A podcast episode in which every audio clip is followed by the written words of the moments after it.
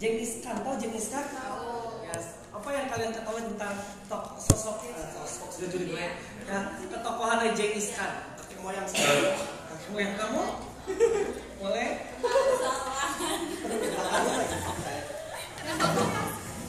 Gimana? Eh, Nih, Mongolia. gimana?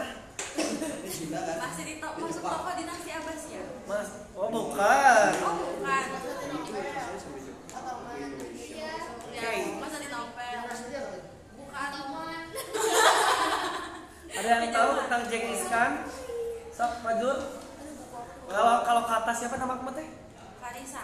Marisa itu adalah kaitannya dengan Abbasiyah ya nanti ada kaitan dengan dinasti Abbas. Karena nanti Abbas itu runtuh gara-gara Mongol ya. Kayak gitu. Stop. Oh, kalau soal secara detail sih nggak tahu, tapi setahu itu Genghis Khan itu adalah seorang raja Mongol pertama yang istilahnya berani jalan-jalan ke itu kadio ya. Hmm. Yang ke sana ke sananya mah kan diturunin sama anak-anaknya kan. ya Jadi kayak gitu. Jadi istilah pelopor. Nggak tahu. pokoknya nggak tahu Iya. Ke sananya belum belum belum baca baca lagi pak. ada lagi ada yang tahu ada yang tahu Khan itu Timur Leng atau ah sebelum Timur Leng kan Pak? Genghis Khan itu ya seperti pengen apa ya nanti ditambahin sama bulu pi ada masker nggak? Pakai masker, pakai masker. anjir kayak gitu kan mesti sekelas itu. Pak? batu nah Genghis Khan itu ya sepengetahuan bapak dia itu adalah saudara dulunya seorang kepala suku. Ya kepala suku. Tapi karena wilayah Mongolia itu eh, adalah wilayah yang tandus wilayah yang minim sumber daya alam ya. Seperti itu sama kayak Yunani kan? Kemarin kita bahas Yunani ya? Kayak gitu. Yunani pun sama ya. Kenapa Yunani itu muncul peradaban? Karena mereka itu berpikir untuk bagaimana bertahan hidup. Di keterbatasan. Di tengah keterbatasannya. Ya dari proses berpikir inilah kemudian mereka ya wake up ya daripada maritimnya Athena ya kayak gitu dari Athena polis Athena. Sama juga dengan Mongol. Mongolia kalau kalian searching dari eh, apa search di apa di Google atau di fakta YouTube ya. Kayak gitu. Mongolia itu eh, merupakan wilayah yang tandus. Eh, wilayah yang tandus ya. Wilayah yang minim sumber daya alam ya nah Genghis Khan itu pada masa saat itu adalah seorang primus inter pares tahu primus inter pares Pernah ibu ini Ah, apa namanya? primus inter pares sejarah peminatan. Dulu. Kelas Oh, apa sih lupa lagi? Kelas 10 pas masa praksara. Primus. Semester berapa tuh? Awal banget. Semester 2. semester 2 Awal semester 2. Iya, awal semester 2. Interpares. primus inter pares Interpares. Kepala suku. Ya. Oh. Ya, dan jadi yang terkuat yang paling eh, apa ya istilahnya dari segi fisik paling kuat dari segi strategi dia paling jago maka nanti akan diangkat sebagai ketuanya ketua. Apa namanya? Physically, mentally, psikologi tribe ketua lah tribe gitu ya. Tribe itu apa tribe? Suku ya ya. Kayak gitu. Betul sekali ya gitu ya. Jadi Genghis Khan itu saat itu merupakan orang yang istilahnya eh, mempunyai sifat kepemimpinan dari, daripada yang lain. Sehingga Genghis Khan itu kemudian ya mencoba untuk menginvasi wilayah Cina ya sebagian wilayah eh, barat timur. Timur. Cina bagian timur. Ya. Pendiri dinasti apa ya? Lupa lupa lagi. Eh, King Cing. Cing mah itu. ya kan Ming, Ming gitu. Oh, Ayo. Soalnya Set, kalau-. Apa mau ada Kalau kalau Cina emang dinasti dinastinya tuh seperti itu pak. Han, Ming, Chin, Qing, Ming. Gitu. Jadi kayak bingung banget. Genghis Khan itu kan bentar ya kita lihat dulu. Genghis Khan. Chinese. Itu tuh meruntuhkan dinasti yang besar ya. Kalau nggak salah dinasti Ming deh, betul. Ya.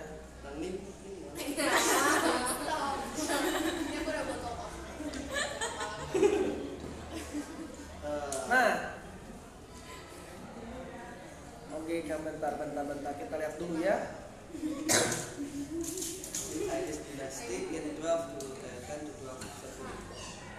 Apa ya?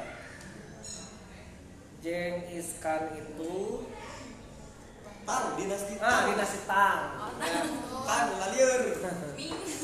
Tang Ming. Ya. Kayak men- meruntuhkan dinasti Tang. Ya. Tapi dia itu ya kenapa ingin menginvasi wilayah Mong- apa Cina daratan? Ya, karena istilahnya sepengetahuan Bapak ya. Satu, eh, Cina daratan itu lebih subur, Ya, ya. Betul betul. betul betul. betul. ya Cina daratan itu lebih subur ya kayak gitu beda dengan Mongolia. Mongolia itu kan merupakan wilayah yang tandus wilayah yang ya ya. Kayak gitu wilayah yang minim sumber daya alam makanya mereka tuh menginvasi wilayah eh, Cina daratan. Tangganya gitu. ya. Dan wilayahnya juga cukup strategis. Kenapa? Karena ya eh, Cina daratan itu dulu sedang rame-ramenya. Ya dikunjungi ya sama para pedagang. Betul betul. ya pada masa saat itu ya eh, karena ada jalur sutra Ya. Silk Road ya Silk Road Road. ya Betul betul. karena ada jalur sutra tahu tahu jalur sutra Sering dengar lah pasti. Iya, sering Ya. dengar. Ayo. Soalnya kayak itu tuh Iya, kayak seharusnya di sejarah Indonesia dibahas loh Iya, dua- dua pertemuan, dua pertemuan. So- sebelum apa sebelum ngomongin penjelajahan samudra kalau bapak dulu kalau ngajar ngajar kelas 11 ngomongin jalur sutranya dulu gitu. Oh, yes. jadi jalur sutra itu eh, adalah sepengetahuan bapak ya? Jalur istilahnya itu perdagangan sejak dinasti Han ya. Kayak gitu yang menghubungkan antara Cina daratan sampai wilayah Eropa. Dulu sebelum ditemukan kompas ya sebelum ditemukannya kompas orang-orang itu masyarakat pada masa saat itu tuh mereka istilahnya itu eh untuk kenapa kenapa disebut jalur sutra karena kan komoditasnya adalah komoditas utamanya adalah sutra dari ya, Cina. kain sutra Nah, kain kain sutra Eh, yang sekarang kain sutra ya dari Cina. dari Cina dari Cina. Kenapa disebut jalur sutra? Karena komoditas utamanya adalah kain Kain sutra. sutra. Ya, kenapa kain sutra itu dicari oleh masyarakat Eropa? Ada yang Buat tahu tidak? Ah, cerdas. Sampai boleh tambahan? Boleh. Nah sampai ini loh, waktu tahun sekitar abad ke 5 ke 6 Kera Justinian the Great dari Kaisar Romawi dia tuh sampai-sampai penasaran ini tuh benda apa sih kok sampai ratusan tahun dijadiin eh, apa ya komoditas utama di perdagangan ini gitu loh nah dan akhirnya dia tuh si Justinian itu tuh kayak ngirim dua eh, istilahnya tuh kayak misionaris gitu ke Cina tuh. Buat cari tahu kalau ini tuh apa. Ternyata dapat blueprint. Akhirnya dari situ Romawi punya sutra gitu dari caranya Pak? lanjut Lur Aku nggak foto jadi pak. orang buat di grup doang lanjut apa lagi ya? halo siapa dia kalau berarti ya, tadi kayak eh, kata Alifa kan buat bangsawan berarti Betul. maksudnya buat bangsawan di sekitaran Cina Mongol doang atau sampai Eropa? Sampai Eropa? Sampai ya Eropa. sampai Eropa. Soalnya ya dipakai di kayak eh, pernah pernik eh, kekaisaran apalagi ratunya kan gitu kayak ratu Theodora Theodora kan pakainya sutra terus. Makanya kayak ini apa sih benda gitu dari timur ya? Dari itu akhirnya nyari blueprint. Pada bangsawan doang yang bisa pakai. ya karena mahal. Soalnya kan nah sistemnya tuh bukan berarti dari dari misalkan kan panjang nih dari Cina sampai Eropa kan. Ya si bukan berarti si pedagang Cina langsung surut ke Eropa itu tuh dari dari tangan ke tangan ke tangan ke tangan jadinya kayak mahal makin Iya, jadi ngabatikan, ngabatikan, ngabatikan deui gitu istilah bahasa Sundanya. Iya. mahal. Iya, jadi kayak ada pajaknya gitulah udah mau gitu. Jadi makin mahal. Akhirnya si Justinian tuh nyari blueprintnya akhirnya.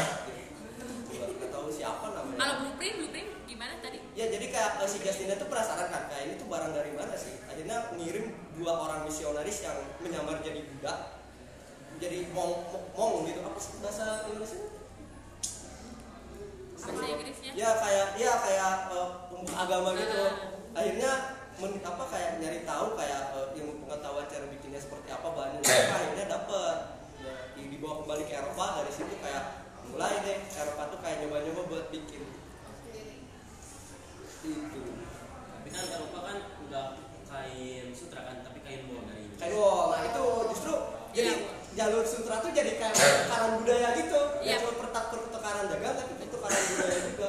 Dari dari dari dari dari dari Eropa ada gelas. Kan kemarin itu dibahas ya kalau nggak salah ya, di di di siap di apa sih? Ah kemudian ada gelas kayu wall terus kayak eh, perdagangan senjata gitu kan. Iya. dari Cina kan yang menjual bubuk mesiu ke Eropa itu kan merubah sejarah juga. Ya, kayak gitu. Pertukaran budaya. Jadi gini, eh, Jalan Sutra itu ya dalam dalam perkembangannya kan wilayah Eropa dan Asia itu kan menyatu. Nah, dulu itu kan sebelum ditemukannya kompas itu mereka itu kan ya bayangkan mereka ya memak ke Asia menggunakan hewan ya. Naik kuda ketepuk ketepuk ketepuk ya. Kayak gitu.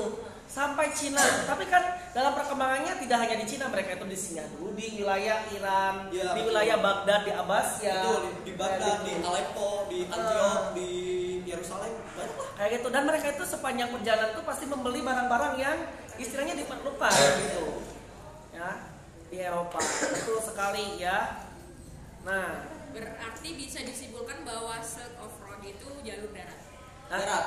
Darat dulu tapi dalam perkembangannya setelah ditemukannya kompas ya Baru itu ke laut. baru ke laut ya Dan itu masih disebut jalur sutra apa bukan? masih disebut jalur sutra kayak gitu kenapa itu kenapa pada akhirnya nanti Indonesia itu peranannya sangat strategis diperebutkan nantinya oleh bangsa-bangsa barat ya karena kan ya eh, kayak gitu Oh, udah paham berarti. Iya. Ya udah paham gue. Paham beneran. kayak gitu itulah kenapa ya kayak gitu. Istilahnya itu eh, wilayah Indonesia itu sering kali dilewati oleh para pedagang gitu. Nanti hubungannya eh, kalau eh, hubungannya nanti satu dengan masuknya agama Hindu Buddha dan Islam. Kayak gitu ya. Dari India ya. Dari India Hin- eh, Hindu kita itu dari India. Nah Buddha kita itu dari India bukan Buddha Cina. Buddha Cina dengan Buddha India itu beda. Lalu eh, Islam juga nantinya ya ada para pedagang yang singgah gitu ya Eh, yang singgah di wilayah eh, Indonesia seperti Arab, Persia, India dan China mereka singgah di wilayah Indonesia. Kenapa singgah di wilayah Indonesia? Karena ya komoditas yang diperlukan di pasaran apa di pasaran internasional itu eh, terutama rempah-rempah itu ada di wilayah Indonesia kayak gitu. Betul tadi tuh ada yang eh, perdagangan pada masa saat itu tuh ya semacam digilir. Iya, kayak gitu. Ada yang namanya perdagangan estafet dalam jalur sutra itu. Jadi ya para pedagang itu kadangkala ya eh, mereka itu misalnya membeli ya India itu membeli Cina. Nah, nanti orang-orang Arab dan orang-orang Persia itu akan mendapatkan apa produk-produk Cina yaitu dan produk-produk Nusantara dari India. Nanti oleh orang Arab dan Persia itu didagangkan di Arab Persia dibeli oleh oleh orang Eropa. Orang-orang Eropa nanti beli dari Arab dan Persia, nanti beli di Konstantinopel. Kayak gitu, ya. dan Jadi istilah Konstantinopel itu distributor. betul Iya. betul dan ini pengen nambahin lagi kemarin saya baca nih sebelum sebelum ngebahas Silk Road dan ternyata Silk Road itu ternyata gabungan dari ayat awalnya eh, jalur perdagangan dari Cina sama yang di Timur Tengah nih nih pak sebelah sini nih di sini nih ngulik baknya teh nah eh, di Timur Tengah itu dulunya tuh di Persia itu eh, dipelopori oleh Cyrus pertama Cyrus Ya, Cyrus. the Great Yang katanya Zulkarnain yang agung. Ya katanya juga. Nah, dia itu disebutnya tuh itu teh the Royal Road. Eh, jadi perdagangan dari kota Persepolis yang dulu dibahas juga pernah Persepolis ke Syria sampai ke Anatolia ke Turki. Nah, dari situ ketika kan ujung si apa sih ujung si Silk Road-nya itu ada di daerah Turkmenistan daerah sini. Nah, sedangkan si Silk apa si Royal Road juga di sini. Jadi kayak deketan gitu. Nah, akhirnya dari situ mungkin lama kelamaan connected satu sama lain akhirnya. Jadi jad- jadinya kayak si Silk Road itu yang dari Cina era asalnya Cina ke kerajaan apa sih? Turkmenistan dulu namanya tuh kerajaan Swezi kalau nggak salah. Nah, si emperornya itu kan mau meminta pertolongan kan ya Pak awalnya tuh. Ke, ke- karena ngelawan suku yang ibaratkan suku Mongolnya yang zaman dulu kan sama ya orang-orang situ lagi. Eh, meminta pertolongan ke kerajaan sebelah.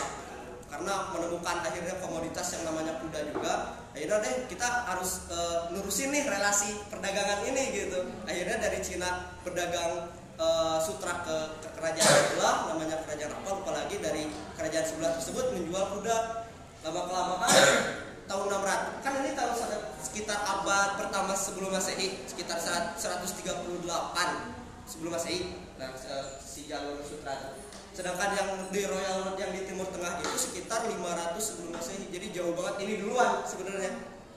Ya lebih duluan itu Ya, ya, ada Royal Road Royal. Road dulu. Betul. Ya, Jadi- karena kan dulu kan eh, itu kan wilayah yang rame ya Yunani dan Persia itu di sana. Kayak gitu ya.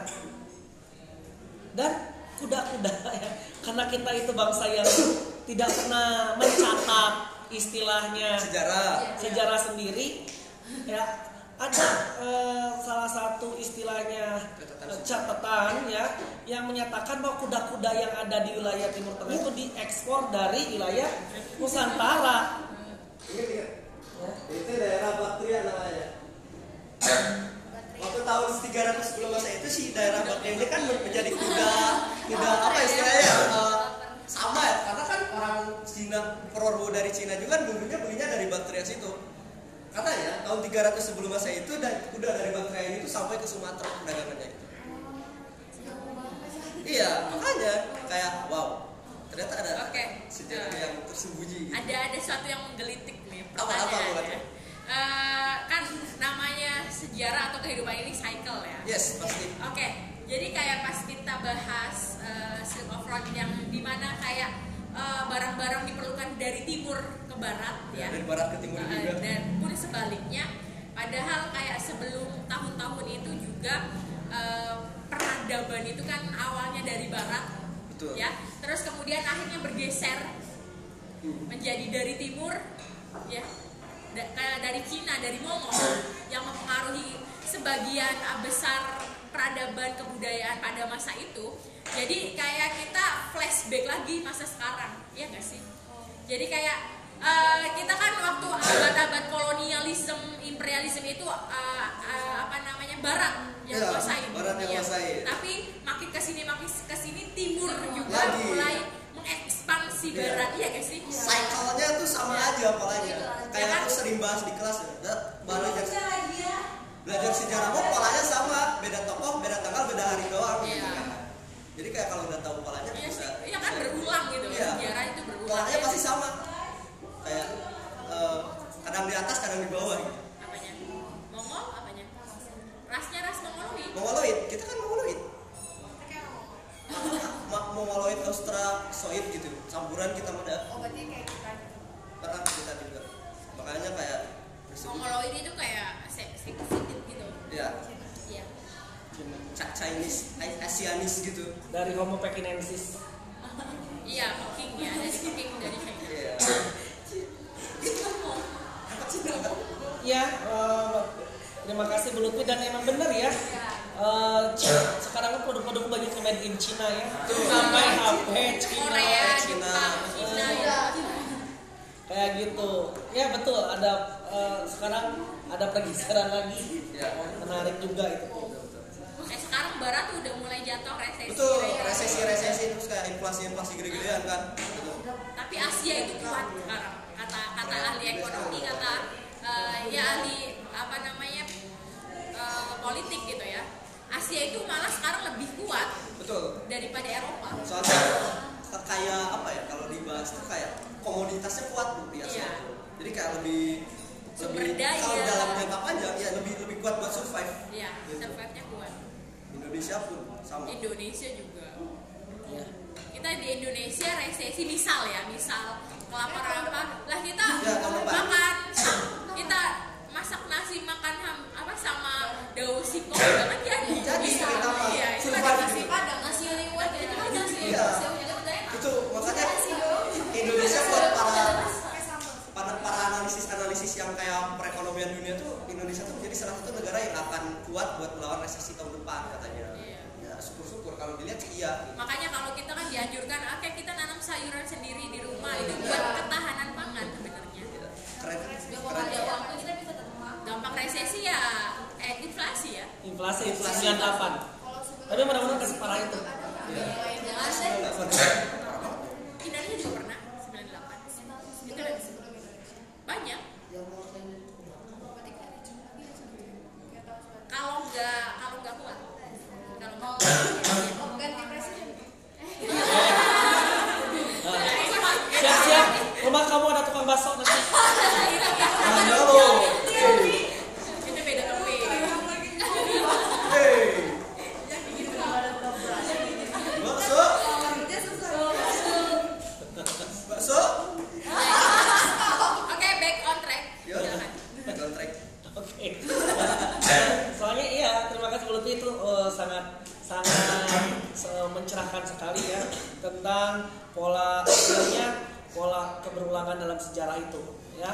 Eh, ya bangsa Mongol itu adalah bangsa pengembara ya kembali lagi ke sana ya sama halnya ya dengan bangsa ya eh, Arya ya sama bangsa Arya juga kan bangsa pengembara juga itu dari Jerman ya kayak gitu dari Jerman nanti menjadi nenek moyangnya orang Turki ya. Kayak gitu karena kan mereka ya mikre mikre jalan kaki ya menggunakan hewan juga sih sebenarnya ya berkuda ya. Kayak gitu. Eh, dari eh, Eropa masuk ke Asia kecil.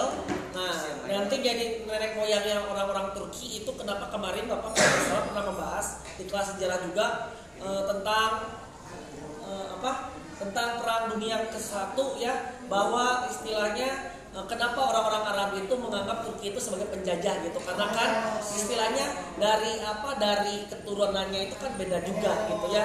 Orang Arab itu merupakan orang Semit ya kayak gitu. Sedangkan orang Turki itu adalah keturunan Arya masuk lagi nanti itu mereka itu ke wilayah India ya menjadi bangsa Arya ya kayak gitu. Nah ya bapak kasih contohkan itu seperti itu ya Mongolia pun sama ya Mongolia pun un- agar mau bangsa Mongol itu wake up eh, apa? Eh, wake up ya bangun kembali gitu ya. Mereka itu sengaja Genghis Khan itu kenapa nggak Invasi India. menginvasi India nggak menginvasi ke Arab? Kenapa harus ke Cina dulu? Karena Genghis Khan tuh sadar bahwa eh, Cina itu ya eh, ya eh, wilayah udah apa strategis banget gitu Betul, betul, betul. ya Yes. kayak gitu Kalau ada yang dekat kenapa jauh? Iya. Sampai-sampai bikin ini kan benteng Cina. Ya, benteng Cina, demokrasi rasa Cina itu kan untuk mencegah invasi daripada bangsa Bangsa nomaden yang dari Ah, utara. nomaden dari utara. Iya. Ya, bangsa nomaden dari utara itu yang mana? Ngomong. ya iya Itu itu. lagi. Ya, itu lagi. kayak gitu. Ah, ada yang menarik lagi. Terima kasih ya, Pak Jul. Ah, itu tentang eh, tembok raksasa China ya. Kita Di, nggak bahas dalam ya waktu 10 Kan Ya. karena peradaban tuh padat terus Betul. waktunya sempit Waktunya sempit gitu. Kayak kurang gitu. pas ya tuh. Nah, itu tembok raksasa Cina itu kan dibangun oleh Kaisar Qin Shi Huangdi ya. Qin ya eh, Qin Shi Huangdi itu kaisar yang sangat besar, kejam. Kenapa disebut kaisar yang kejam itu kaisar Qin ya? Karena kaisar Qin itu kan istilahnya dia itu eh, apa ya? Eh, sengaja ya mempekerja paksakan nah ini mah benar kerja paksa Ya, kerja kalau. Dendes mah kan dipertanyakan lagi Salah. kerja paksanya gitu Masih ingat sih di buku yang di SD saya pelajarin sejarah tuh kayak eh, Dendels adalah korupsi Ya. katanya. Wah ternyata pas ke sini ternyata tidak. iya alhamdulillah. Jadi, jadi musuhnya kelihatan pak gitu maksudnya sekarang. Jadi gini ya, Fagur takut kepada Tidak aja gitu ya Kayak- iya, betul, betul, betul, betul. kayak gitu Shi Huangdi itu kan sengaja ya membangun tembok raksasa Cina yang panjangnya itu berapa kalau kata 6000 km itu dari Bandung Pertama kali Jawa.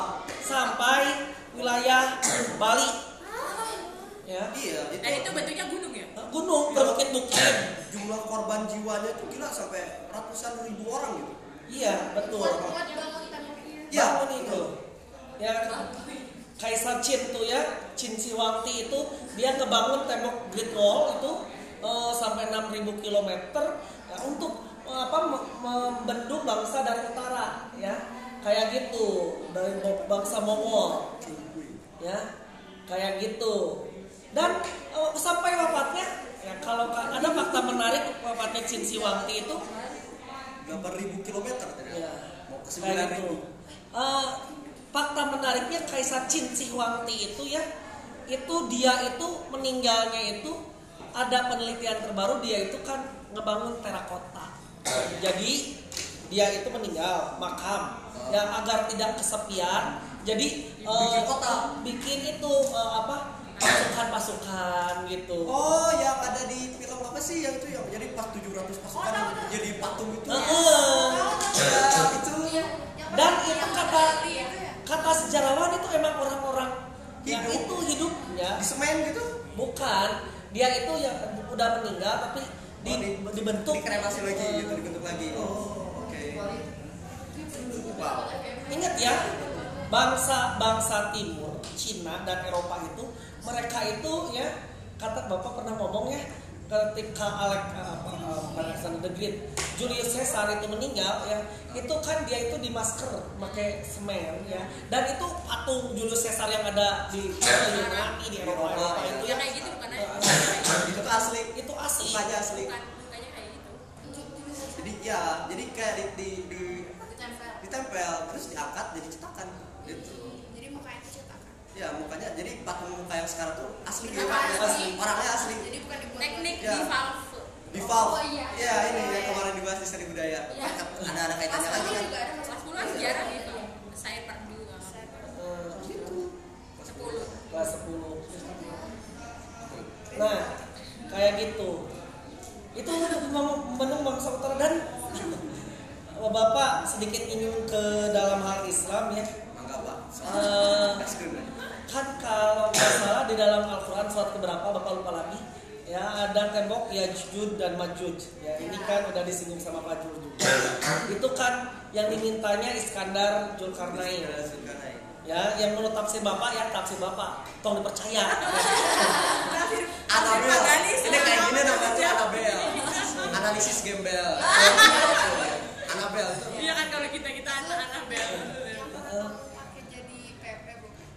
Yang mana? Julius Caesar.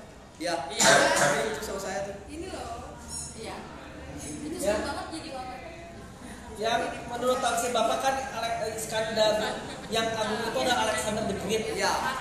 kayak gitu nah kan dalam tafsir Al-Quran itu kan ada bangsa yang barbar juga ya, yang diganggu ya rakyatnya itu diganggu oleh bangsa-bangsa barbar dari wilayah utara ya coba lihat surat seberapa itu ya kalau bapak tafsirkan itu juga ya bangsa-bangsa dari utara itu ya yang sebarbar itu dulu. Iya. ya.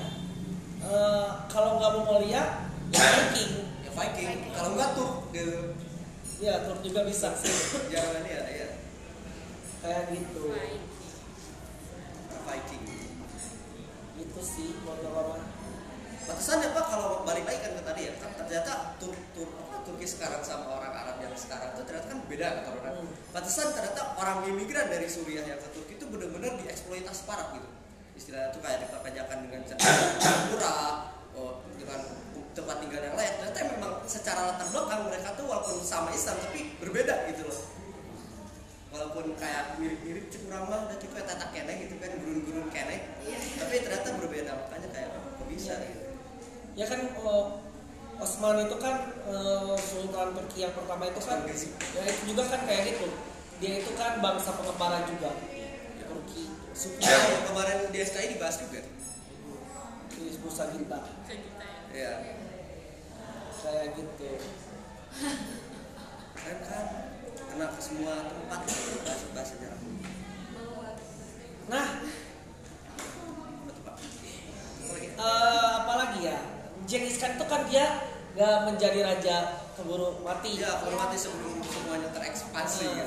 makanya dia punya anak namanya Kubilai Khan Kubilai Khan, yes betul.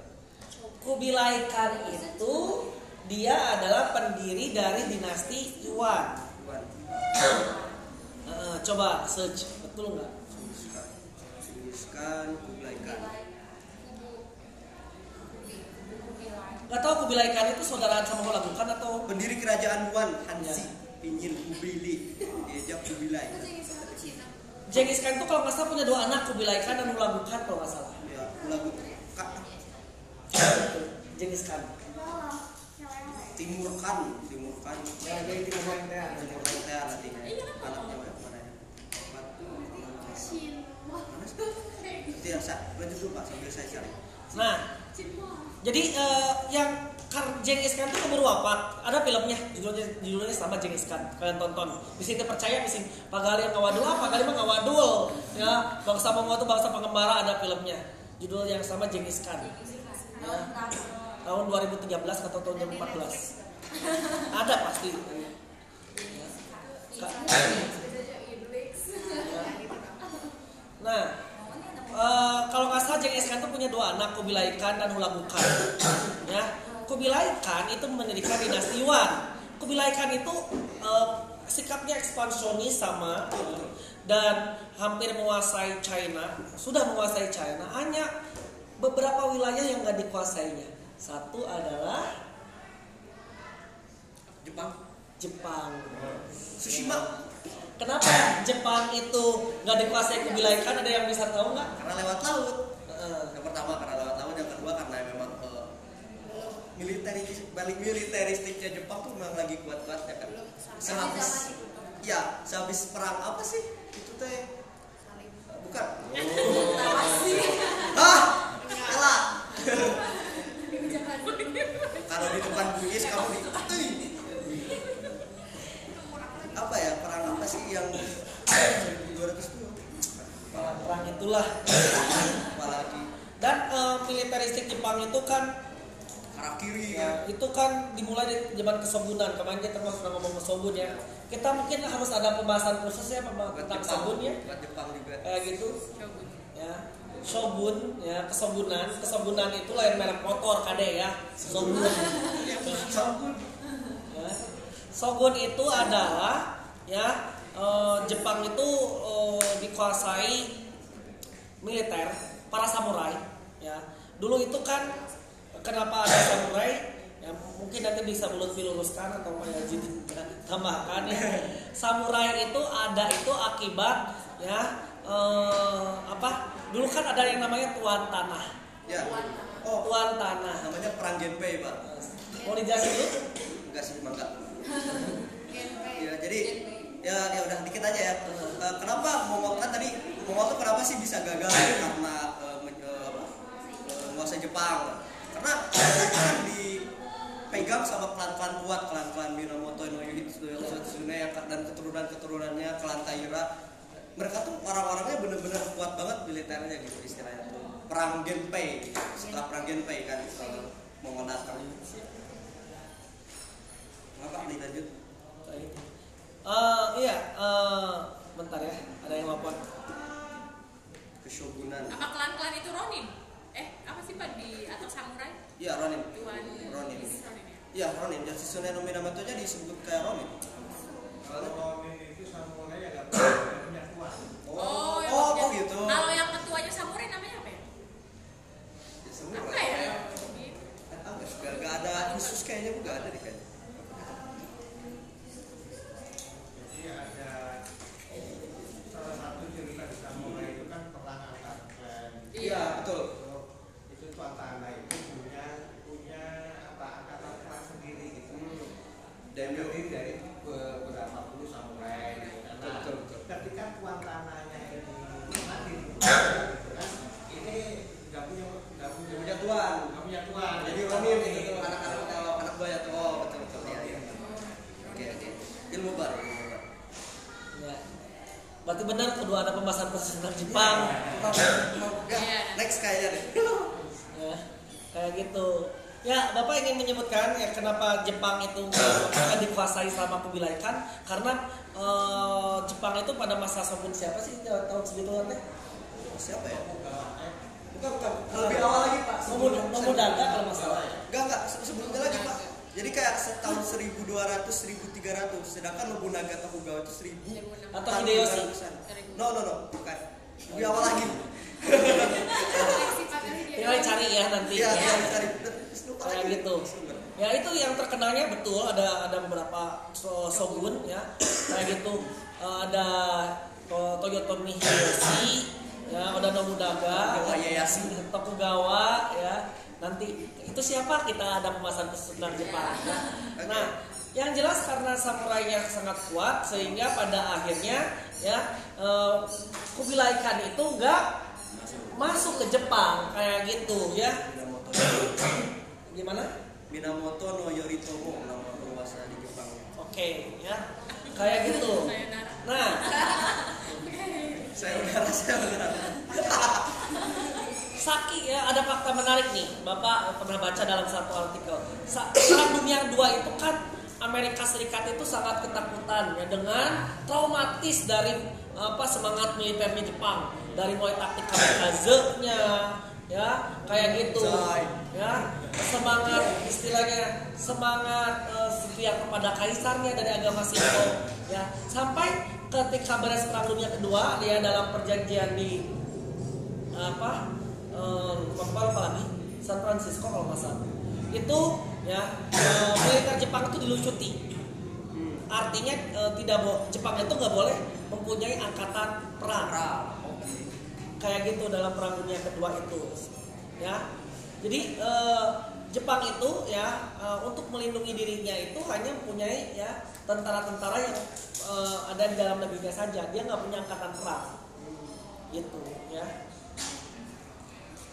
Ya itu Jepang. Kubilai Khan itu nggak bisa menguasai Jepang. Kubilai Khan juga nggak bisa menguasai wilayah Nusantara. Nusantara Indonesia. Ya. Why? Berarti setara dengan masa pemerintahan apa di Indonesia nya? Ya. Di Nusantaranya bersamaan dengan kerajaan apa dia? Pajajaran. Eh Pajajaran. No no Pajajaran kalau salah yang yang ngalahin sekolah eh kemarin apa sih. Kamu apa lagi? Eh, Kerajaan? julukan tim Arema oh Naik kanjuruhan. julukan mas tadi iya bonek itu Bonek. singo Beda Mas kalau Singosari Ya, kerajaan Siwedan.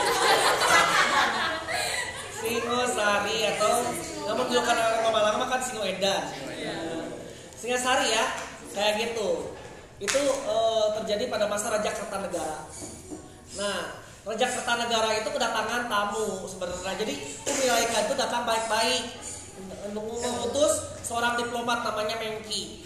Ya. Intinya dia menyampaikan surat ke Kertanegara heh Kertanegara ya. Ya.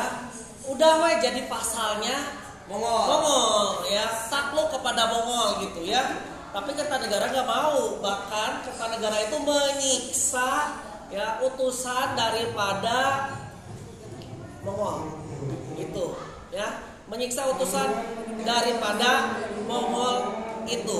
Nah di sini apa dipotong kupingnya ya kupingnya dipotong nah laporan si Mengki itu Kubilai Khan ya Tuan saya itu disiksa oleh Raja Kertanegara.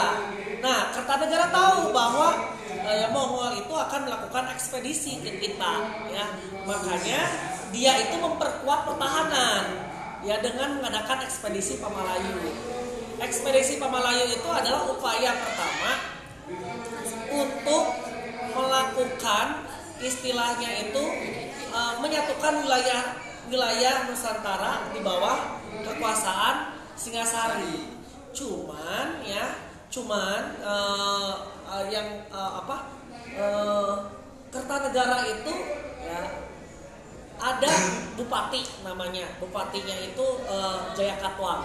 Jaya Katwang itu merupakan bawahannya Raja Kertanegara tapi Jaya Katwang itu merupakan keturunan daripada eh, aduh kan dedesnya tuh dilebut sama siapa sih? Tunggul nah Tunggul Ametung ya.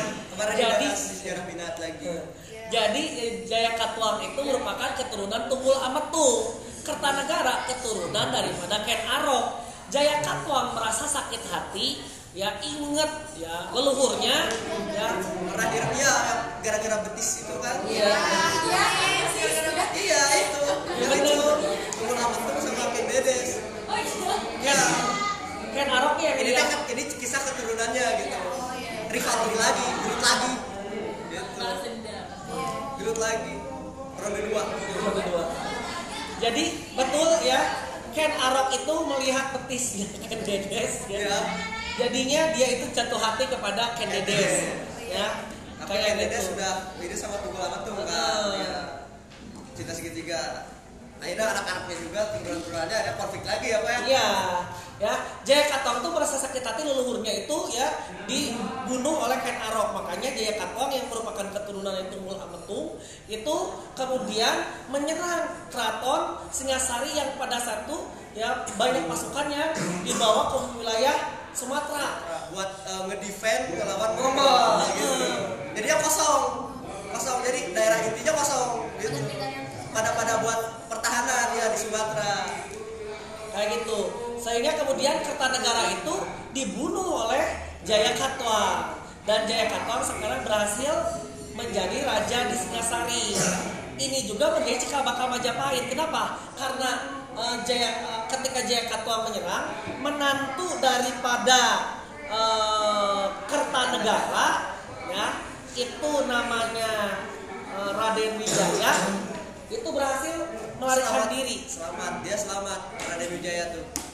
Eh, Raden Wijaya itu selamat ya sehingga kemudian Raden Wijaya ya ketika Mongol datang memfitnah ketika Mongol datang memfitnah memfitnah Eh, Jaya Katwang Jaya Katwang. ya Raden Wijaya itu menunjukkan ketika Mongol datang Mana eh kan? nu mana Kertanegara itu Kata nah eh. Raden Wijaya nunjuknya adalah Jaya Katwang Jadi orang yang udah menguasai Kertanegara gitu. Eh, kan kata negaranya kata negaranya udah mati. Iya. Ya. Serang deh gitu kan sama Mongol gitu. kayak gitu. yang yang mendirikan Majapahit tetap Raden Wijaya. Ya Raden Wijaya. yang mendirikan Majapahit tetap Raden Wijaya. Dan Gayatri, Nah, Gayatri itu Gayatri, Gayatri itu adalah istrinya. Istrinya Raden kayak gitu Sakit mau tambahkan? Mau tambahkan? Itu kan?